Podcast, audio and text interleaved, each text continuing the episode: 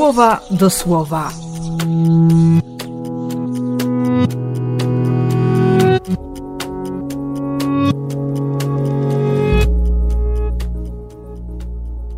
Siódmy lutego, środa.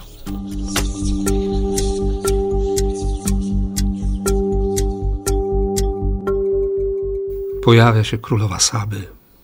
Jest zachwycona, zachwycona bogactwem, zachwycona mądrością, zachwycona człowiekiem.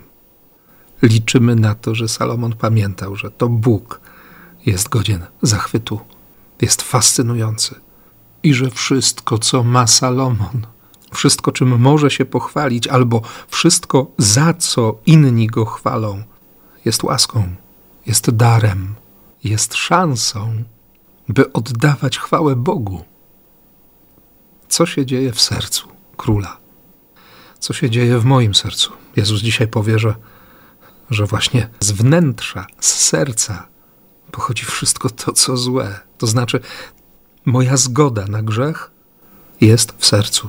Moja zgoda na zło jest wewnątrz mnie. Dlatego ciągle potrzebuję łaski, ciągle potrzebuję uzdrowienia, uwolnienia, potrzebuję przebaczenia, miłosierdzia, potrzebuję Boga, potrzebuję zbawcy. Zresztą, Ty też go potrzebujesz. Dlatego niech się łaska dzieje i miłosierdzie. W imię Ojca i Syna i Ducha Świętego. Amen.